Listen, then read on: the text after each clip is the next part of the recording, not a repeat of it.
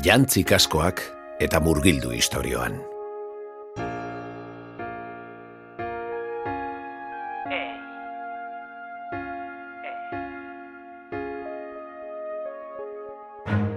Ei, izerraiz, ugazaba ala esklabo. Zer biziaiz lasaita oparo, ala kale zakur bat baino kerrago.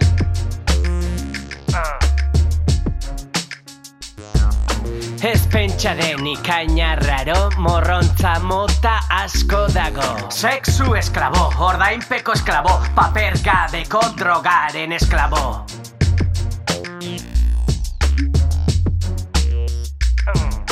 Ei, esan egia, izerraiz.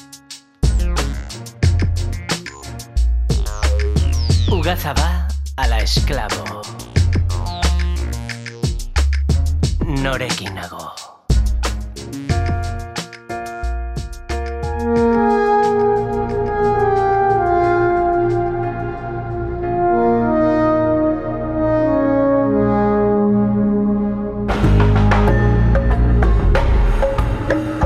Jarraian entzungo dituzun istorioak ez dira gertatu oraindik. Archipelagoa, hirugarren kapituloa. Biztiak, ala abereak.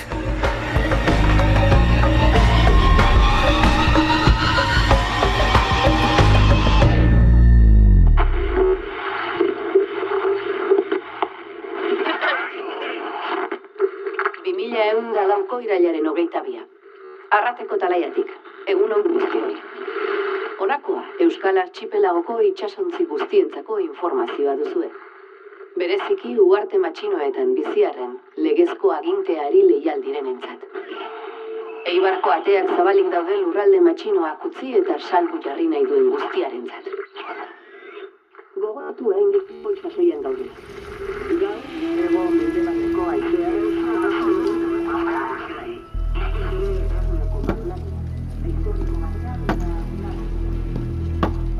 Eguno, jauna. Zuretzat izango da ona. Zer da bat, jauna?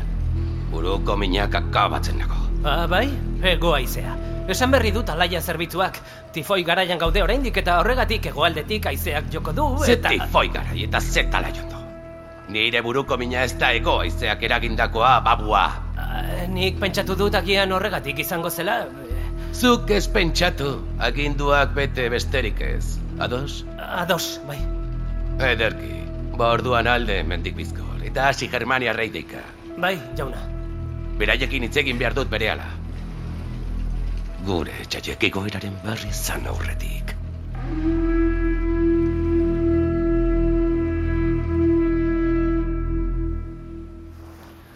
Ai, ederki egin dut lo. Ene, zenbat denbora ez nuela atxeden hartzen horrela. Ez kezkarik, ez beldurrik, ume batek bezala. Bai. Eta goea ere, pasada bada, eh? Zure gelako ere hau bezalakoa da? E, bai, bai, berdina. Baina ez dakit bigunegia egintzain niri. Zer diozu? Izugarriak dira goe hauek. Begira, izara garbiekin, burko goxoa, bat ere pixatzen ez duen lumazko tapakia. Bai, bai, nahi duzuna. Baina koltsoi gogorra gora oituta honi. Ja, orain esango didazu, hau baino nahiago duzula, monastekiko kobazulo zikin hortako lurrean lo egitea. Bueno, kobazuloko gau batekin oroimen ona daukat. Koltsoi bigun xamarra topatu nuen gainean jartzeko. Ba, boa. Ba niri inpurdia izoztuta geratu zitzaidan, harri gainean.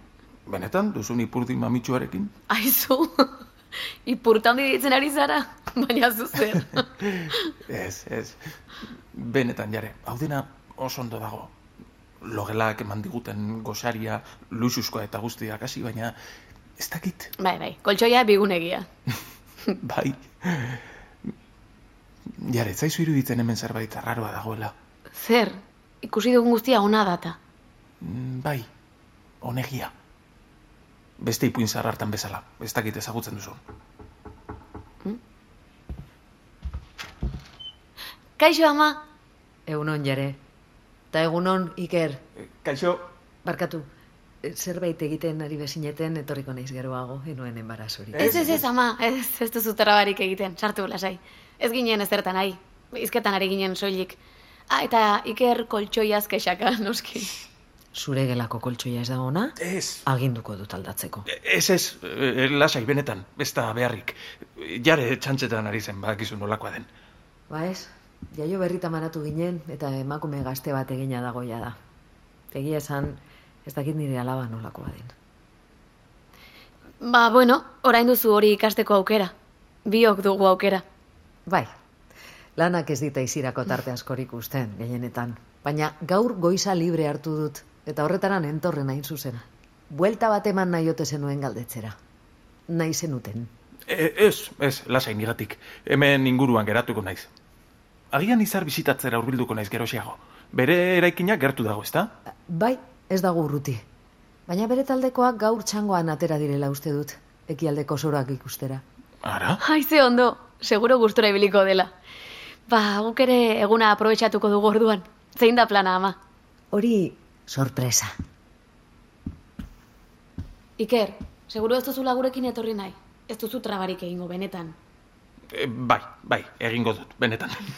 E, lasai niregatik, ondo egongo naiz. Bueno, nahi duzun bezala. Agur! Agur!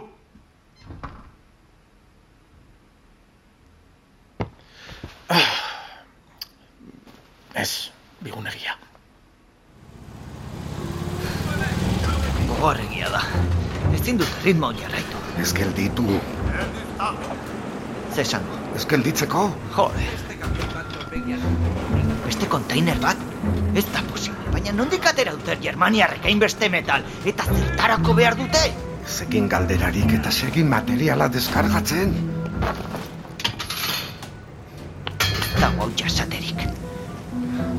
Barru da txanda aldaketa. Orduan izango dugu atxeden hartzeko tartea.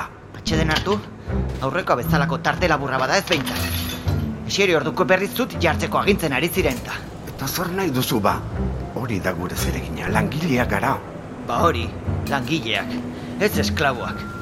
Archipelagoan aitorren untzien lan gogor egiten nuen. Oso gogor. Baina hau neurriz kanpokoa da. Eta archipelago ura ainona bazen zergatik etorri zara ona. Nik ez nuen handik joan nahi. Baina gaizkile batzuk jare eta biok baitu gintuzten eta... Bai, bai, ez gelitzeko. Ja, ja! Ik habe verstanden!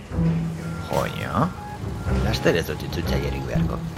Ea egia den.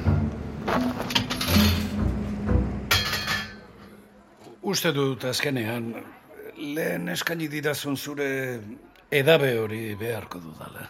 Jakina. Oztu egingo zen honezkero. E, epela egondare berdin dio. Nahikoa bero banago bestelaren. Azukrea ere hortxe nahi baduzu. Ez, ez, ez diot botatzen. Xukran. Ez horregatik.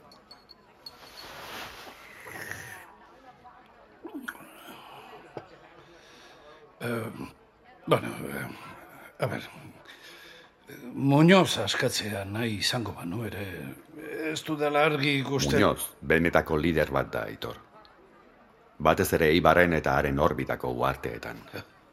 Haiek gure aldera ekartzea ezinbestekoa da baltza eta kofraditxa garaitzeko aukeraren bat izateko. Ba, ba, bale, bale, bale. E, utzi hitz egiten. Eh? Muñoz askatzea nahi izango banu ere, kontua da, ezinezkoa dela, ezinezkoa. Zuk uste?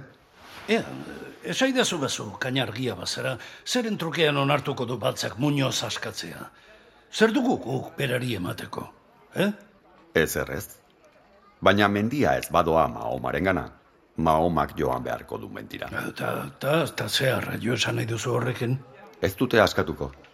Guk askatu behar dugu Muñoz. Eibarrera joan da. Ja, ja, ja, ja. Utzi da zu asmatzen nola pentsatzen duzun hori egitea. Uh, urpekontzian, ez da? Modu bakarra da. Ez dute horrelakorik esperoko. Ez, noski. Erokeria puta bat delako.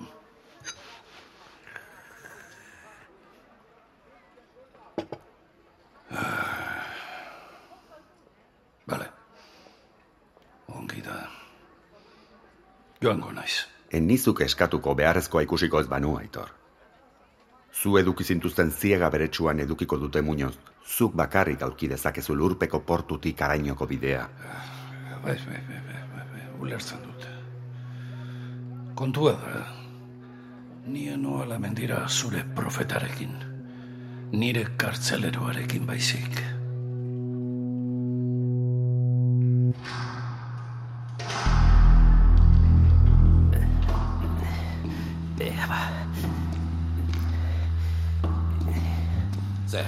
Lortu duzu, eh, Germaniarekin kontaktu egitea? Bai eta ez, jauna. Ez dakitu hartu zaren, baina gaur ez nago hitz jokoetarako. Germaniarekin hitz egin duzu, eh, bai ala ez? E, bai, germaniar batzuekin hitz egitea lortu dugu, jauna. Eta orduan? Oberster direktor, bertako agintaria jarri zain gaude, jauna. Ah,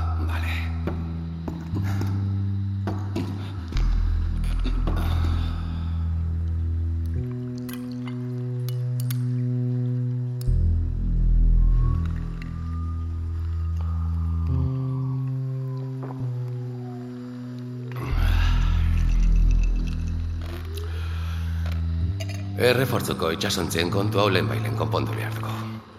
Arrapatu dituen da ontzera gure aurka bidaltzeko gaila Jonas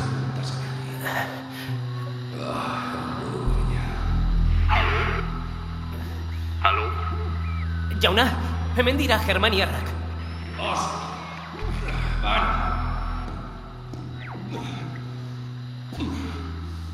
Ich sage ihr, dass Sie angerufen haben. Ja, hallo? Oberster direktor? Nein, sie ist nicht hier. Arduraduna da? Esaiozu itxasontzi gehiago bidaltzeko bereana. Bez, ez omen dago bertan. Nola? Ich sage Ihnen, dass Sie angerufen haben. Esan du emango diola abisua deitu dugula esanez. Gauerera. Baina nun arraio dago ba Germaniaren arduraduna? Ai, ama, pertsonatxoen antza daukate. Bai, noski, badakizu, tximinoak gure arbasoak dira nola baita esateko. Hauek bezalako txinpantzeak batez ere. Ja, ba, ondo behiratuta horko horrek badu aitonaren antza, bai.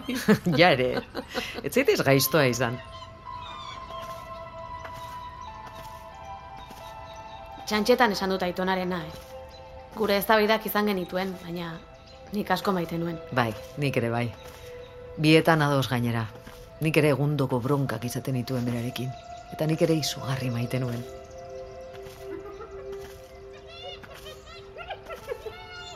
Uf, eta horiek? Ze animalia itxusiak. Zakur basatien antza dute. Baina ez nuen olakorik sekula ikusi. Jenak dira, ez dira oso politak, ez? Baina oso animali interesgarriak dira. Talde lana da bere arrakastaren gakoa. Eta gainera, emeek agintzen dute. Hobeto erortzen hasi zaizkit ja. Jo, benetan, leku hau ikaragarria da. Nola esan duzu izena duela? Zoa, zoologikoa. Banekien gustatuko zitzaizula. Ondoratzearen aurretik munduan zeuden animalia, hegazti eta landar espeziak biltzen saiatzen gara hemen. Agalik eta gehien. Noiz bait mundua zen bezala berregin ahal izateko. Pasada bat da. Etorri, nire animalia gustokoena erakutsiko izut. Ez dira hienak orduan. Nire animalia gogokoenak? Ez. A ber, interesgarriak direla esan dut, baina egia esan, zeharo itxusiak dira. Jo, hau da bambukaina bera pila. Horratzean eskutatzen da zure animalia hori. Ai, badakit! Nire ere gustatzen zait. Zuria eta beltza da eta hola potolo xamarra, ez da? Mm, ez zehazki. Begira, hortxe dator bat. Orain ikusiko duzu. Ostia! Lasai, ez dizu ezer egingo. Kaiolak barra sendoak ditu. Tigre bat da. Ez alda ikaragarri ederra. Ederra, ez dakit. Ikaragarria, seguru. Bai, apur bat ikara egiten dute bere atzaparrek eta letaginek ez da. Baina rapakaria da, ala izan behar du. Naturan horrela da. Elikadura kate bat dago. Panda hartzak bambu ostoak jaten ditu. Eta tigreak berriz, panda. Batzuek besteen gainetik daude piramidean. Hierarkia naturala da. Eta hori horrela da, bai naturan eta baita pertsonen artean ere. Ulertzen? Mm, ez dakit. Dena dela Iker eta biok ernioko mangladian topatu genuen katuna barra, gogorarazten dit tigre honek. Eta ez dira oroitzapen honak. Panda itxura hartuko zigun agian, baina gu jaten saiatu zen. Katuna barra ernioko guartetara iritsi da? Bai, Ara, baso mortuetan soilik bizi zitekeela uste nuen. Esperimentu hori deskontrolatu egin zaigu orduan. zer esan nahi duzu? Katuna barrak zuek sortu zen dituzten? Bai, beno, esan dizut lehen. Ondoratzearen aurreko espezieak berreskuratzeko alegina egiten ari gara hemen. Baina batzutan, hobekuntza batzuk gehitzen ere alegintzen gara. Esperimentazioak eta, badakizu. Gizartea hobetzeko.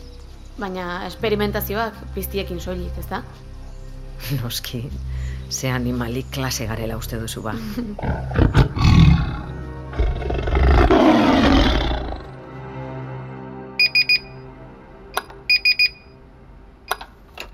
Baina ze kristo, nola raio zabaltzen datea.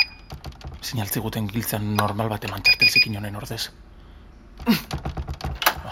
Ah, zu zara, jauna.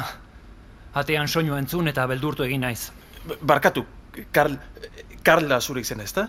E, nik ez nuen txartelarekin asmatzen. Bai, normala da. Txartela hemen ipini behar duzu zabaltzeko. Sistema elektronikoa da. Ah, bale. Giltzak asko errazagoak ziren. E, nire oea egiten ari zinen. Bai, nire lana da, jauna.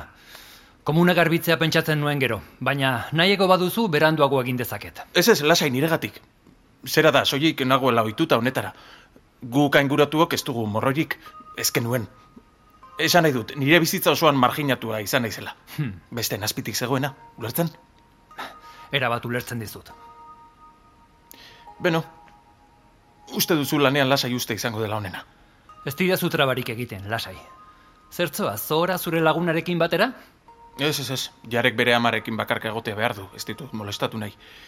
Nire beste lagun bat bizitatzera joatea pentsatzen nuen, langileen blokera. Baina txangoan soroak bizitatzera joan dira. Txangoa, langileek? Nork esan dizuk gezurrari? Zezan nahi duzu.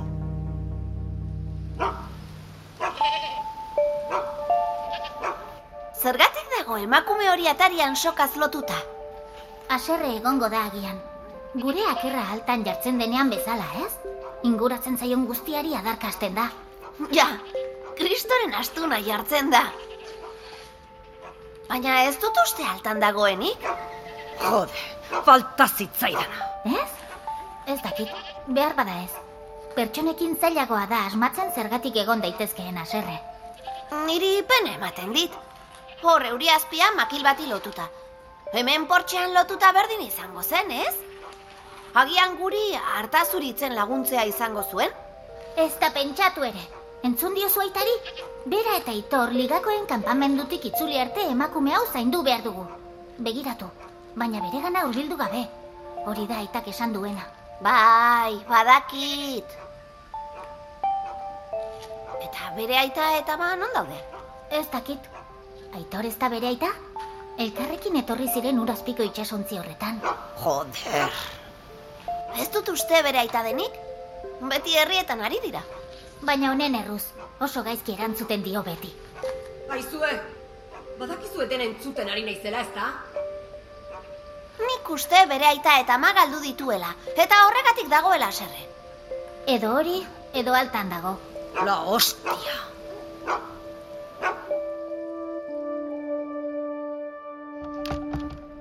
Jode.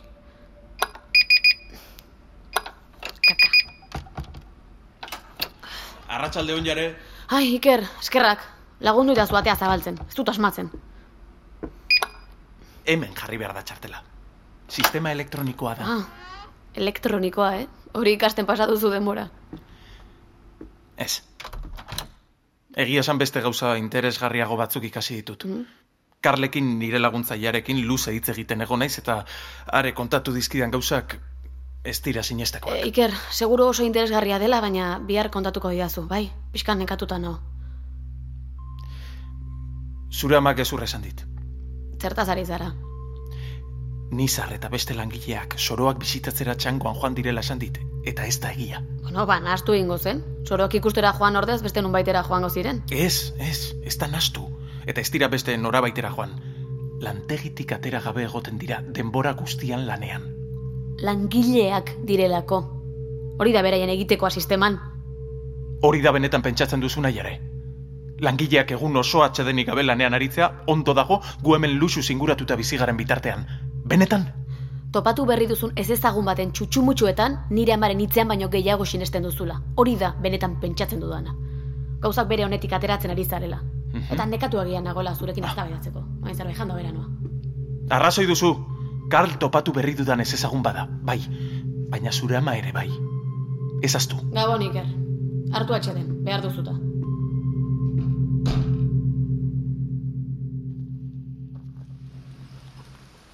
Alde... Alde pasaizotik.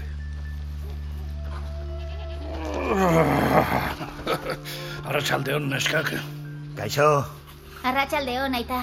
Ia bukatu dugu hartoa zuritzen. oso ondo, lastana. Ba orduan hauntzak etxeratzen lagundu behar didazue, gautzen ari duta. Ondo da. Hau bai, eskatxintxoak. Aizu, zure alabak pena ematen dit. Eh. Hor euritan oztu egingo da. Ez da nire alabaga txiki, baina... Bai, arrazoi duzu. Jada jaitsi garen ez, barrura lagunduko diot. Venga, neskak, guazen!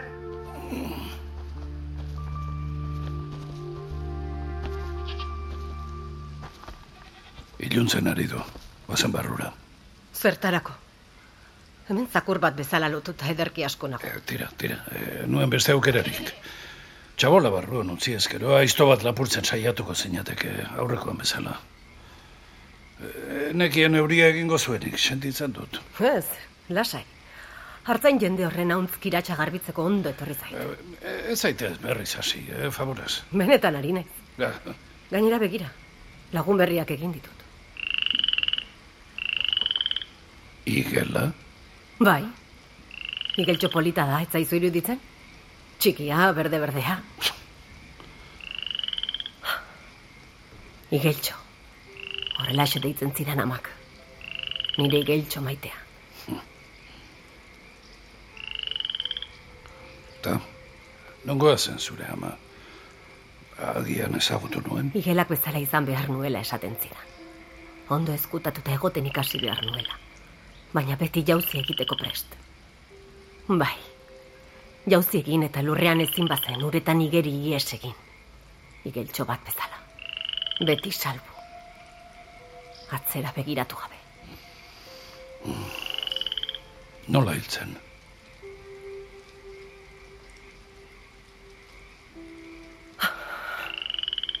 Daga, zutitu. Bazen barrura. Eibarrera sartu nahi duzu, ez da? Eh?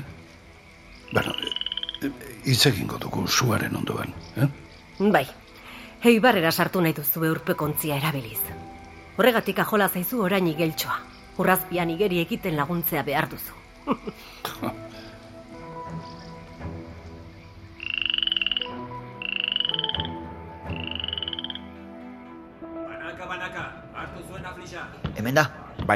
erakutsi duzu non den, ni orain banoa. Aizu, aizu, baina zergatik hainbesteko prisa. Ez da segurua hemen egotea, esan dizut lehen ere. Baina ber, gure atxeden unea da, eta hau langileen atxeden lekua da. Zergatik ez gara ba hemen elkartuko? Elkartzea ez dago debekatuta. Baina hau langile batzar bada, eta hori ja goikoi etzaia gustatuko. Niri ere ez gustatzen egun oso esklabo baten moduan lanean egotea. Eta zein da alternatiba? Kexatzea? Zuk ikusi duzu ze gertatzen zaien soldaduen gana kexekin joaten direnei? Hau ez da justua. Bai, beno, baina hori da dagoena. Ni banoa, eta zuk ere hobe zenuke alde egitea. Arduradunek begiak eta belarriak izango dituzte hemen barruan ere. Ez egin zalantzarik.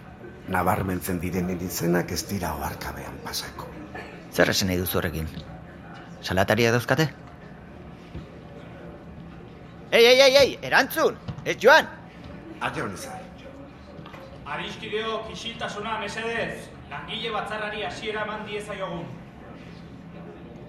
Isiltasuna mesedez. Eskerrik asko. Ez dugu denbora askorik zoritxarrez, denok ondo dakizuen bezala. Atxede luzeagoak behar ditugu, ordu gehiago! Orduak ez, egunak! Astean egun bat beintza lanera joan gabe! Hortaz ere itzeingo dugu, lasai. Baina lehen da bizi hitz eman diezaiogun denok ondo ezagutzen dugun lankide borrokalari eta konprometitu bati. Karl! Gabon, adiskideo! Ze ederra den, zuen artean egotea. Mamu batek zeharkatzen du Germaniar Federazioa. Askapenaren mamuak. Agintariek, ez dute ikusi oraindik, baina bere presentziaren zurrumurruak iritsi zaizkie. Handitzen ari den itzal bat antzematen dute bazterretan, eta beldur dira. Bai, adiskideak, ikaratuta daude. Ikaratu daitezela! Egingo dute galtzetan! Eta arrazoiak dituzte ikaratuta egoteko. Ze mugimendu hau ez da mamu bat adiskideok. Ez da itzal bat, ez da pasako. Askapena olatu geldiezin bat da adiskideok. Laugarren olatua. Eta mundu zaharraren bidegabekeria guztiak behin betik ondoratzera dator.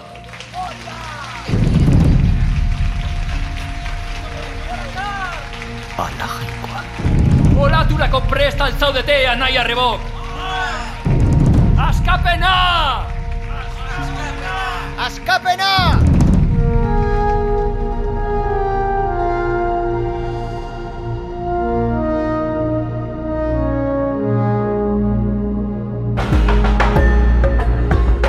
Archipelagoa, Ulu Mediak EITB podcastentzat ekoitzitako soinu fikzioa da.